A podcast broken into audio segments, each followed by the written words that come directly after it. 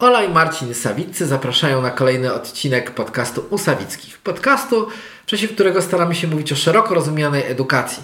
Dla edukacji dorosłych, młodych, a także oczywiście i dzieci. Serdecznie zapraszamy.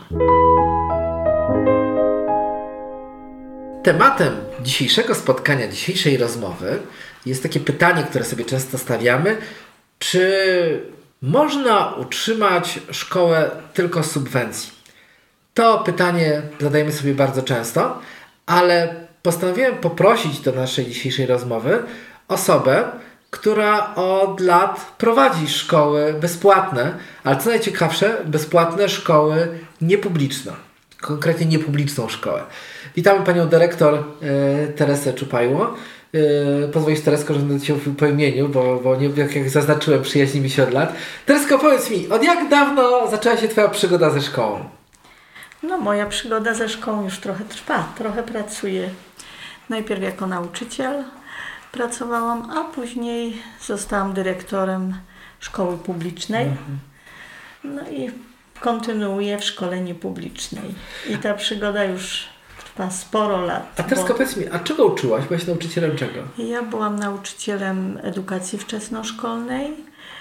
Y, No i jeszcze mam ukończone studia podyplomowe z pedagogiki specjalnej, więc też zajęcia rewalidacyjne prowadziłam. Doświadczeń trochę jest. Powiedz, jako dyrektor, dyrektorowi szkoły, nie tęskni Ci się czasami do tych czasów, kiedy uczyłaś dzieci? Bardzo mi się tęskni. Bardzo Bardzo, się bardzo, mi tego y, brakuje.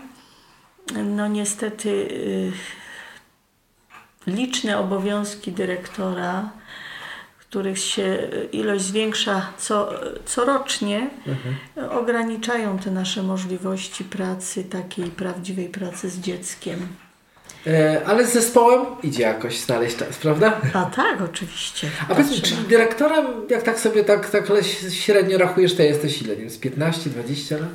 Ponad 30. Ponad 30. No to słuchajcie, moi drodzy, chyba trafiliśmy e, do źródła, w tym sensie, że 30 lat doświadczeń to jest tylko doświadczenie tego, co dziś, ale, ale takie ładna też możliwości zestawiania sobie tego, jak było, jak to się zmieniało.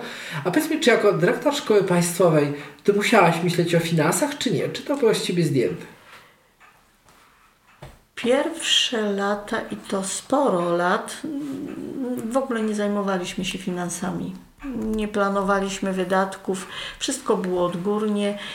Wtedy nie było żadnych rozliczeń, dotacji. Moim obowiązkiem było tylko wystawianie nadgodzin, zestawienie i przygotowanie do pensji. Czyli generalnie kwestie jakby e, dbania o to, skąd środki, czy starczy, leżało bardziej po stronie organu prowadzącego niż dyrektora szkoły. Dyrektor szkoły pełnił, skoncentrował się na zajęciach e, takich merytoryczno-administracyjnych, rozumiem, Tak, prawda? tak. I one były w bardzo dużym stopniu no, małe, ograniczone w porównaniu do tych, które są teraz. Wtedy szkoły prowadziło kuratorium, to jeszcze było województwo bielskie. Aha. Bielski kurator. I, I nawet sprawami inwestycyjnymi. Tam były działy kadr, dział inwestycji, dział finansów. A, to wszystko stopniu. było. Tak, tak. A teraz to się zmieniło, to gro tych e, rzeczy się znajduje w samorządzie.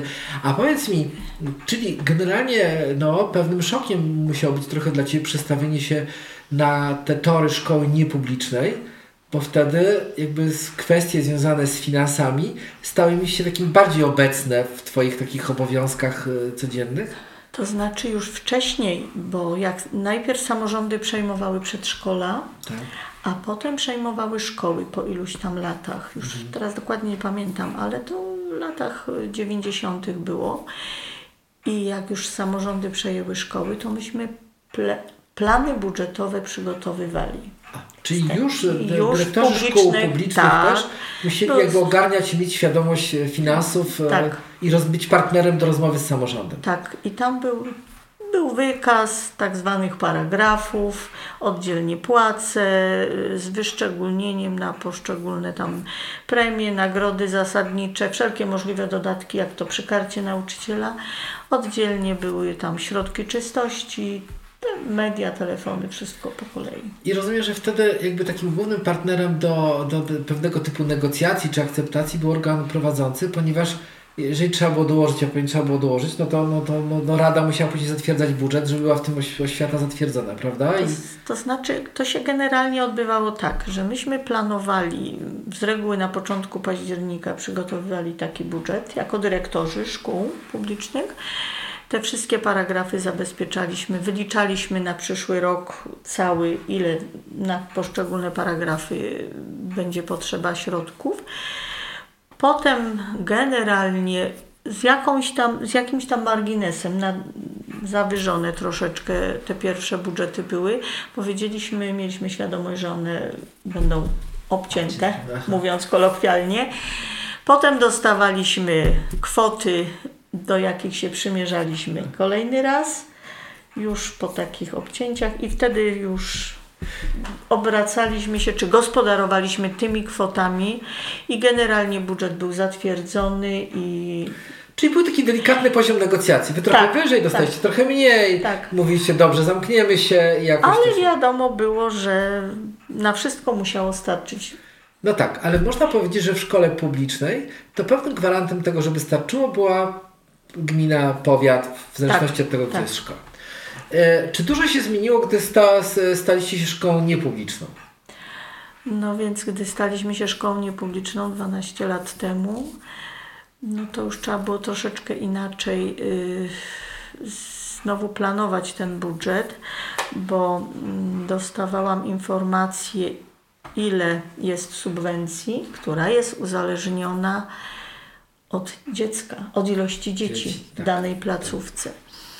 No i teraz trzeba było tak się starać, żeby ta placówka się rozwijała. Myśmy zaczynali z małą ilością dzieci, bo to było 23 dzieci w pierwszym roku w szkole i y, ośmioro w przedszkolu, czyli 31 dzieci. W tej chwili mamy ponad 100-106 dzieci. To jest różnica. Tylko trzeba było się zastanowić, trzeba było tak pracować, takie propozycje dawać, żeby mieć dobrą opinię w środowisku, żeby rodzice chcieli zapisywać dzieci do tej placówki, bo No, no mimo, właśnie, że na wsi, Tak, tak. w małym środowisku, bo to było najważniejsze, żeby ta placówka tam została dla dzieci miejscowych.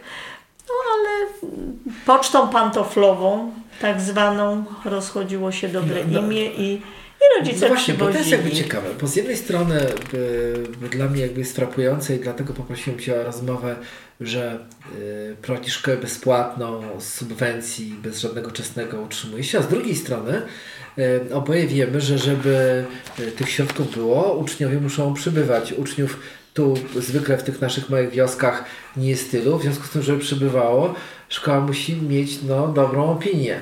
A z kolei, żeby mieć dobrą opinię, zwykle kojarzą, mówi się tak, dajcie mi więcej pieniędzy, będziemy mieli lepszą opinię. A tu z drugiej strony, więc zadanie polegało na tym, mam subwencję, jak w ramach tej subwencji zrobić nie tylko utrzymać szkołę, ale utrzymać dobrą szkołę. Yy, tak, to tak przy okazji, jak myślisz, co jest takiego dobrego w tej szkole, że przybywali do niej yy, rodzice ze swoimi dziećmi? Ja myślę, że generalnie zmienia się też świadomość rodziców i rodzice szukają takich mm, bardziej domowych miejsc na edukację swoich dzieci, takich miejsc, w których dzieci nie są anonimowe, y, w których nie są zagrożone, y, czują się bezpiecznie i, i myślę, że to, to był jeden jakby z argumentów, że u nas była taka domowa atmosfera i, jest nadal, że dziecko nie jest anonimowe, że Jaś jest Jasiem, Kasia Kasią nie numerem z dziennika. No i y, w takiej mniejszej szkole to jest możliwość y, zapanowania nie tylko nad bezpieczeństwem, ale i wychowawczo. Y, Jakby nie ma zagrożeń takich, które gdzieś tam w dużych szkołach czyhają na młodzież i na dzieci już od najmłodszych lat. No myślę, że innym pomysłem jeszcze naszym było to, że no u nas też uczyły się i uczą dzieci niepełnosprawne, bo tam na miejscu było kilkoro dzieci, takie, które musiałyby być dowożone y, no, do żywca. To jest duży, duża odległość i one mogły uczyć się na miejscu. Też jakby w tym kierunku mm, przygotowaliśmy szkołę i rodziców i no i specjalistów trzeba było. A dzięki temu, że one też tu były, to choćby rozkładały się te koszty związane z Tak, stałe tak. Z, z czynszami, eksploatacją i tak dalej. A no dobrze, y, no to do tej pory może być tak, no dobrze, ale ja też mogę zrobić fajną szkołę, też już była dobra, bezpieczna, y, ale gdzie może tkwić y, te sedno tego, że jednak tą szkołę udaje się utrzymać tylko z subwencji? Wiadomo, ona jest troszkę wyższa załóżmy niż w mieście, bo dochodzą te wagi związane z, z tym, że to jest w małym przy, przysiłku, ale jednak, ale jednak to jest tylko subwencja. I często no, samorząd do tej pory, miałeś chyba orientację, jednak dokładał też do szkół, które są w. Dokładał, prawda? Dokładał i dok dokłada. A gdzie tkwi, znaczy tkwi jakby ta, ta, ten pomysł, że to się zapina? Czy nauczyciele mają większe klasy, czy nie wiem, pracują za połowę pensji, czy jak, jak, jak, to, jak to działa? To znaczy, no, na pewno jest zwiększone pensum, nie takie jak w publicznych szkołach 18 godzin. My mamy zwiększone do 22. Już jakby zyskuje się 4 godziny na jednym etacie.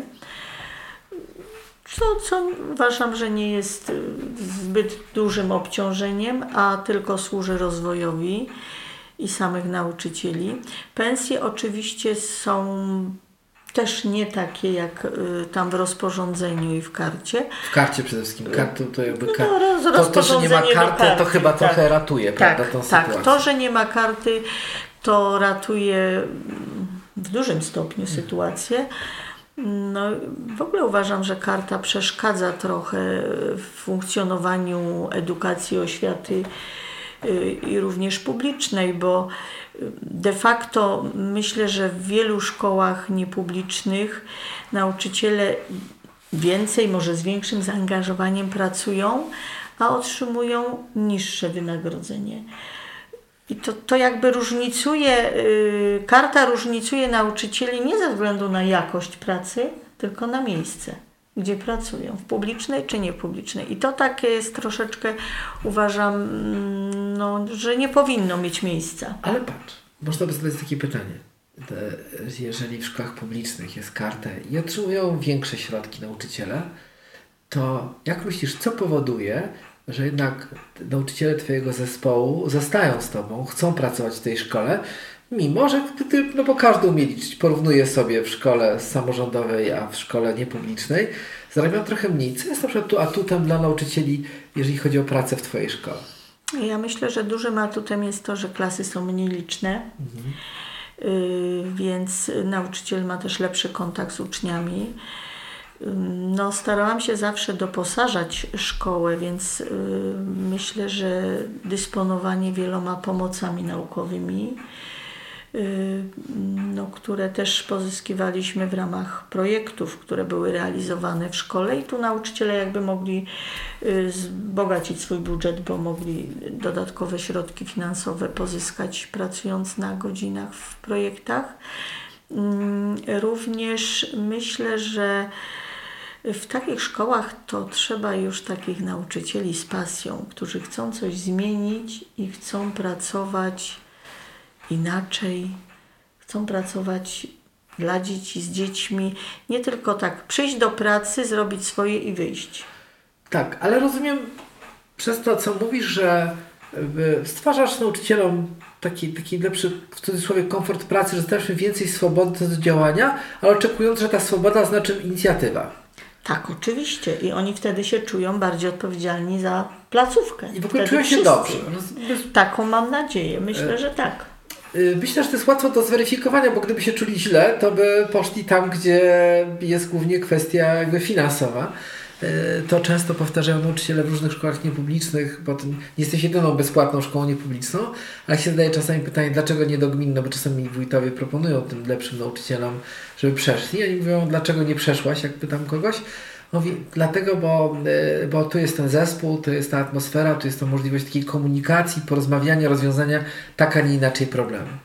Czyli Zespół, który godzi się na to, żeby zarabiać trochę mniej, ale warunki mu to rekompensują, w sensie pewnej swobody działania i atmosfery. Czy coś jeszcze jest takiego, nie wiem, administracyjno-technicznego, co, co, na czym można by trochę obniżyć koszty? Jak tak sobie patrzysz na swoją szkołę? No jak patrzę na swoją szkołę, no koszty można obniżyć, no nie wiem, ja myślę, że w mniejszej placówce jest jakby większa kontrola, może za mocne słowo, bo samych środków czystości, wykorzystania takich prozaicznych rzeczy, których na, na, na co dzień się wykorzystuje wiele, to w mniejszej placówce jest większa możliwość, nie wiem, zadbania o to, by były oszczędniej. Taka dbałość po prostu, dbałość, tak, rzeczy. Bez... To samo o sprzęt, o meble, one służą dłużej, czy pomoce naukowe, każdy pilnuje. Więc ja myślę, że, że to też stwarza możliwości jakby pewnego zaoszczędzenia i, i to się przekłada znowu na wzbogacenie no, bazy o jakieś dodatkowe pomoce atrakcyjne. No myśmy byli y, chyba pierwszą placówką w gminie wyposażoną w y, tablice multimedialne. We wszystkich salach lekcyjnych. Tak, ale teraz wspominałeś, że gdy ta szkoła niepubliczna e, zaczynała działać jako niepubliczna, to miała 30 paru uczniów, a teraz ma tam ponad 100, prawda?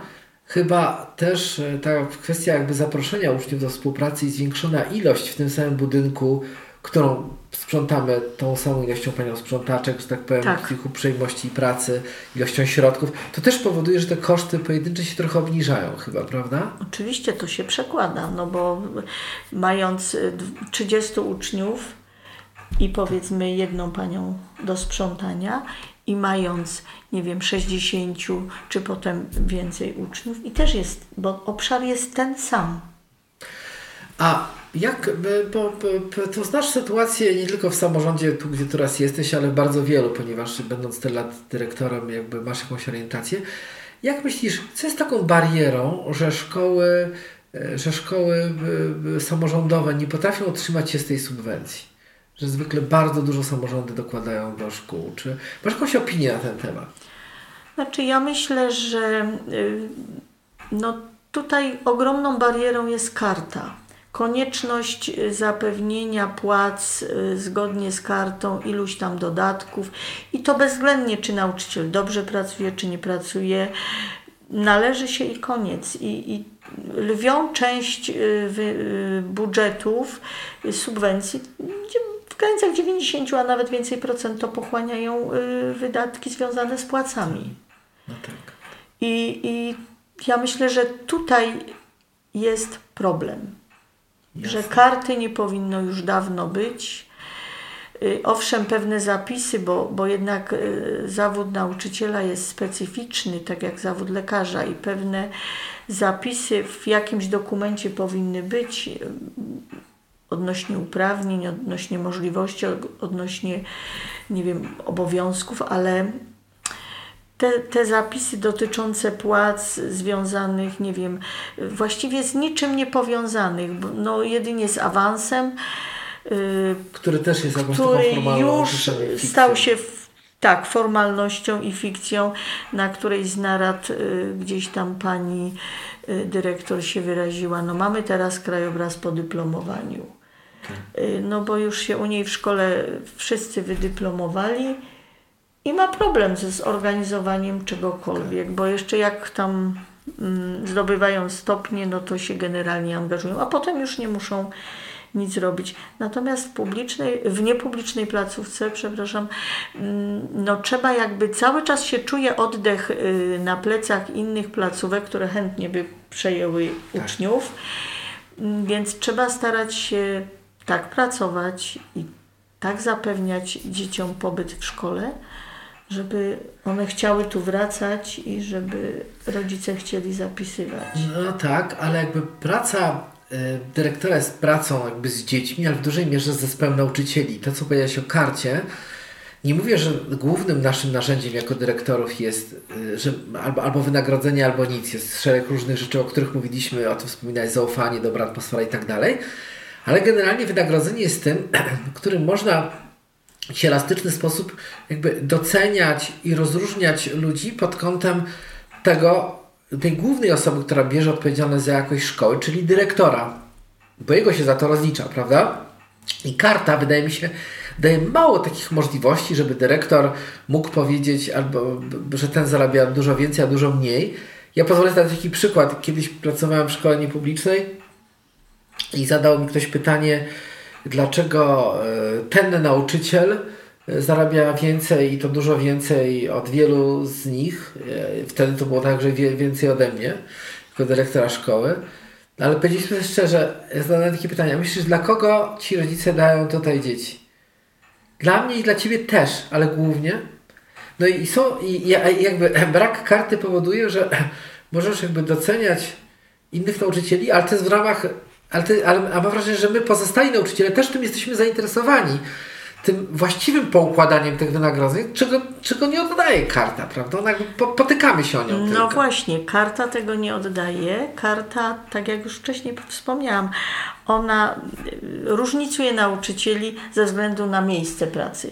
Natomiast uważam, że w niepublicznej placówce y, podstawowym dokumentem, który jest jakby w kwestii wynagrodzeń, powinien być dobrze opracowany regulamin wynagradzania, motywowania, który i systematyczne wypłacanie pensji.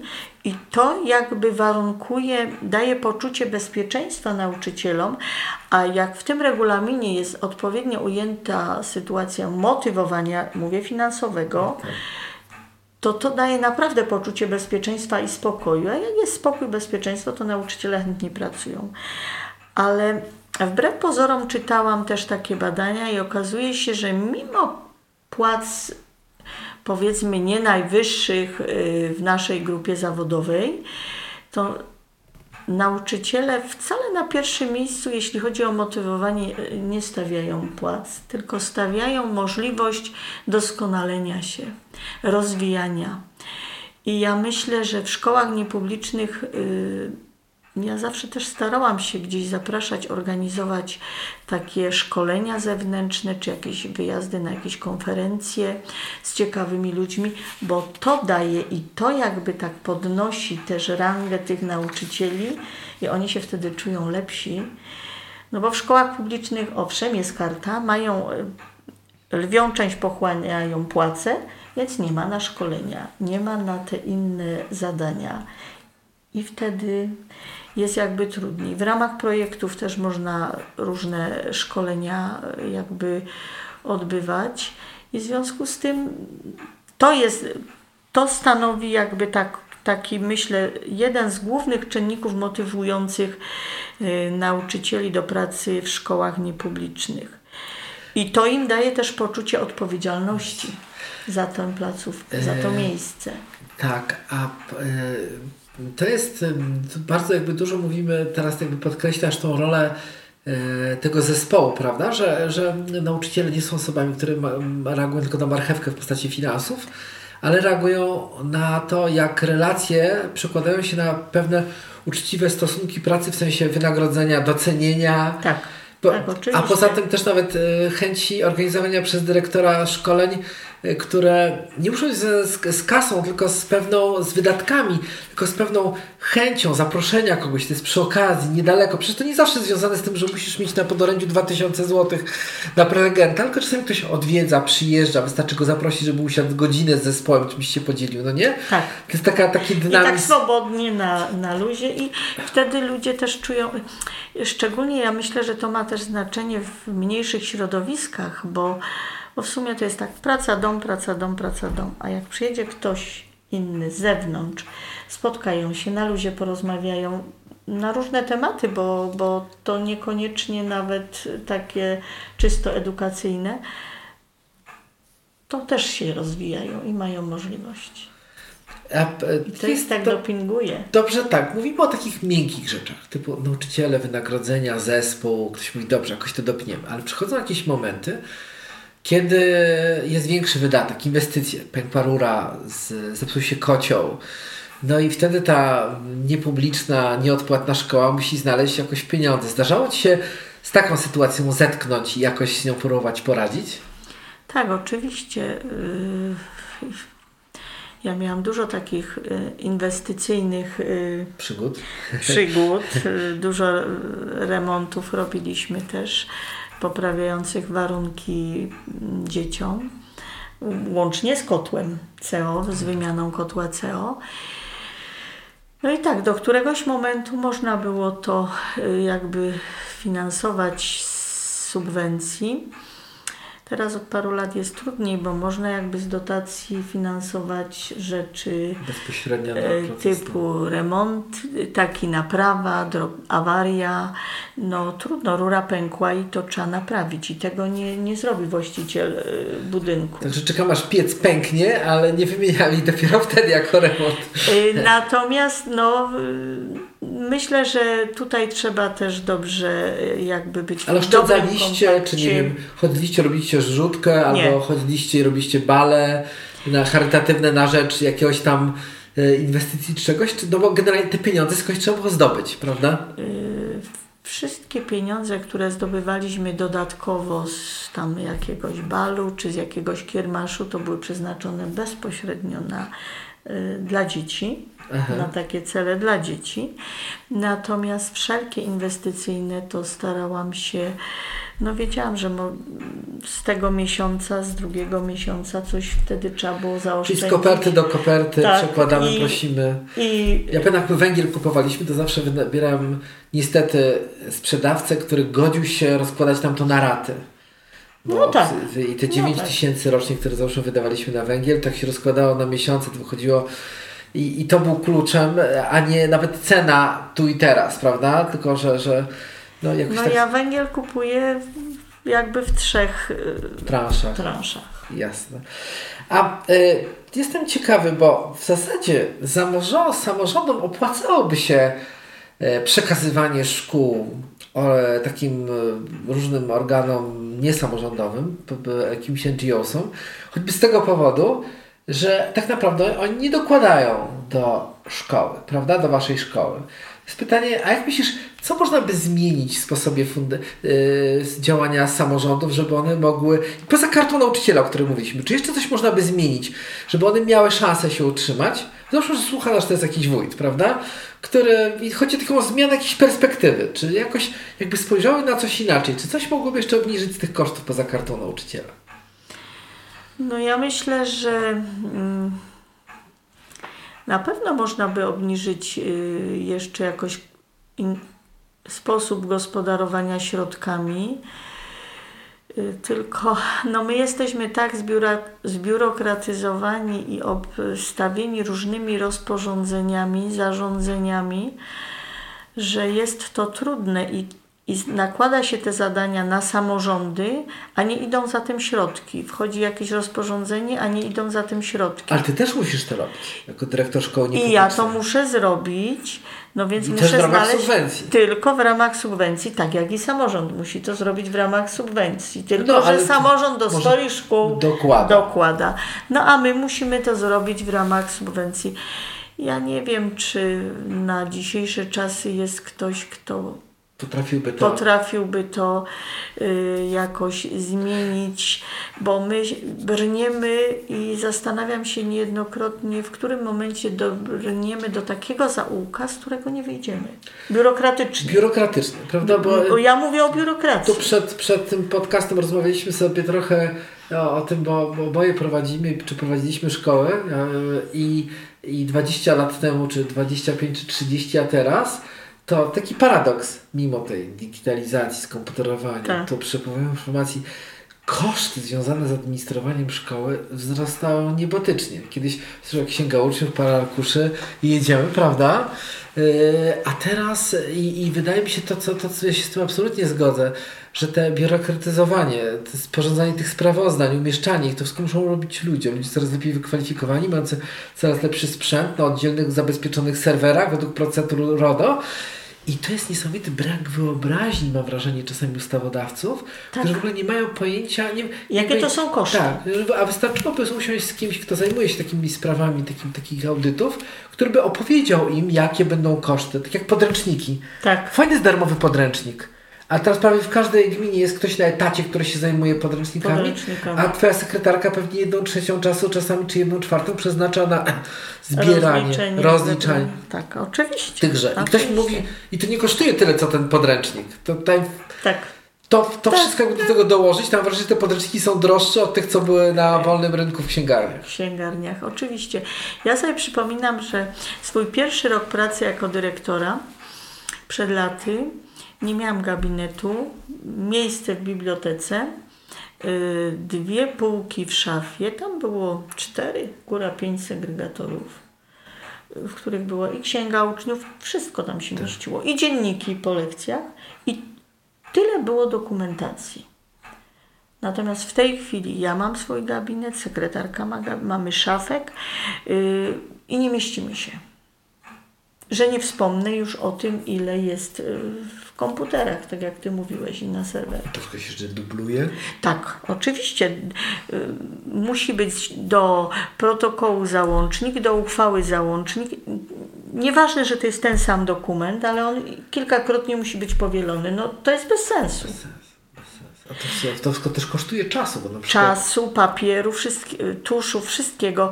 Ja sobie przypominam y, właśnie przed laty y, zwykłe rozporządzenie o ocenianiu. Jak dziś go widzę, to jeszcze bielski WOM wydawał takie, były kolorowe, y, dwa arkusze A4. Dwie, cztery strony, dokładnie. Kropka. I tam było wszystko na temat oceniania. To, o czym nie było mowy, Miałaś zrobić, miałaś... było proste. A teraz mamy wewnątrzszkolne ocenianie, dokument obszerny. Do tego przedmiotowe ocenianie, kolejne do, urasta to do rangi statucie- ogrom, statucie tak, też. ogromny segregator z tego rośnie i na dobrą sprawę w każdej chwili się może każdy rodzic odwołać i od oceny, bo nie jesteśmy w stanie przewidzieć wszystkiego. Tak. Jakby To jest problem straszne. pozostaje problemem do rozwiązania w konkretnej sytuacji, a ilość papierów wzrosła prawie że stukrotnie Tak, e, tak. Na, wszystko. Tak. I jeszcze nawet, a trudno nawet posądzać kogoś, że będzie zaglądał do tych dokumentów, bo więc wystarczająco czasu znajduje, zajmuje ich wyprodukowanie i opowieści takie z, z dziwnej treści, że będziesz później to analizował i każdy swój ruch w kontekście tej. To jest, to jest, to jest jakaś teoria po prostu, która nas drogo kosztuje. I Tak. czasowo, i, I papierowo. Wielość i częstość cze, zmian, częstotliwość zmian tych rozporządzeń, no choćby o statutach, no to przecież już nie możemy tego słuchać. Bo co jest narada, znowu jakieś tam zmiany, trzeba wprowadzić zmiany do zmian i do tych zmian potem trzeba nowelizować. E, Także, także mi się wydaje, że to też jest taki koszt e, czasowy, który ponosimy, bo jeżeli mówimy o czasie nauczycieli, czas, czasie dyrektora, e, czasie urzędników, którzy się tym zajmują, przecież ci urzędnicy też się tym, możemy za bardzo ich nie kochać, ale też przychodzą, analizują, czepiają się, sami mają dylematy, są napięci, to wszystko nie powoduje dobrej atmosfery, prawda? Że w tym wszystkim jakby zanika w ogóle sam proces uczenia i dziecko, prawda? Tak, że, tak. że generalnie jak coś się dzieje albo coś sprawdzamy, to mamy pokazywać segregatory, a rzadko się zdarza, żeby zapraszać kogoś, kto wizy, wizytuje szkołę do klasy na zajęcia, prawda? Tak. I to jest smutne, bo może być wszystko, jak będzie wszystko w tej dokumentacji pięknie, ładnie napisane, to jest super. Dziecko w tym znika. Tak. A może być piękna praca, ale ktoś zapomni czegoś tam wpisać, coś uzupełnić. No i jest problem, jest zarzut. Tak, tak. I, jest, i, i, I wtedy pojawia się brak zaufania. Nie Tak, wtedy, kiedy tak. e, by rzeczywiście na lekcjach działoby się coś nie tak, czy z tym procesem, czy ze z naszą starannością, tylko wtedy, kiedy by zabrakło jakiegoś papieru. Dokumentu. To jest, to I jest, to jest, i to się jest rozmywa. Tak, ale wydaje mi się, że jak tak no mam okazję też znać Ciebie i troszeczkę Twoją szkołę, to że jakby mocą jakby pomysłem na tą na bezpłatność i jakość jest to działanie jakby pomimo tego. Bardziej jakby, że nie mam wrażenie, że w Twojej szkole to nie jest tak, że, te, że, że jakby rządzi, y, rządzą papiery, y, tylko rządzi relacja i mi się wydaje, że to jest pewien, pe, pewne sprawy, które przyciągają zarówno nauczycieli, jak i rodziców. Tak. Bo tak jak mówisz, możemy oszczędzić, możemy szkołę taniej, ale ta subwencja musi być. A Subwencja oczywiście subwencja musi być. musi być. Te dzieci, tak. jak mówiłaś, pewnie ta szkoła, nie tak łatwo było ją utrzymać przy 30 dzieci, jak przy 120, 120 dzieci, prawda? No, przy setce, bo 120 jeszcze nie Tak, ma. tak, ale przy setce dzieci, dzieci dzięki temu, że właśnie nie mówisz tylko o papierach, bo o papierach e, będziemy mówiły wszystkie inne placówki, albo dużo innych, nie, nie chcę urazić wszystkich. No tak, a powiedz mi, e, gdy... E, No gdy mogę jeszcze wtrącić. Tak? Ja dużo czasu poświęcałam i staram się poświęcać na rozmowy z rodzicami. I jeżeli rodzice mają jakikolwiek problem czy pytania, no nie mam, ja nie mam zasady, że przyjmuję w- dni określone, w określonych godzinach. Tylko wtedy, kiedy rodzic potrzebuje.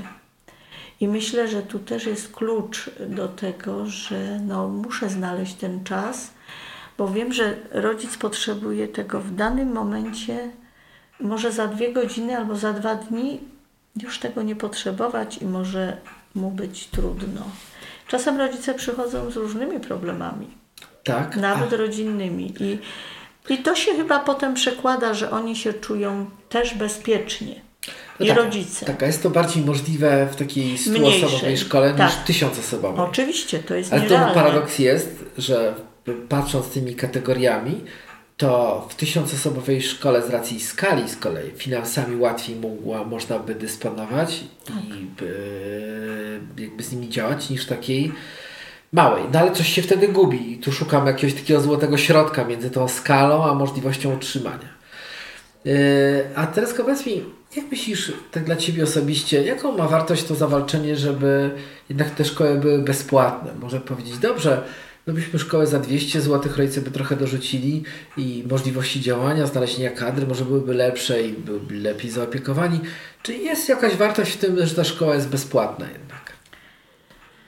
Ja myślę, że dużą wartością jest to, że nie ma bariery finansowej dla żadnej z rodzin.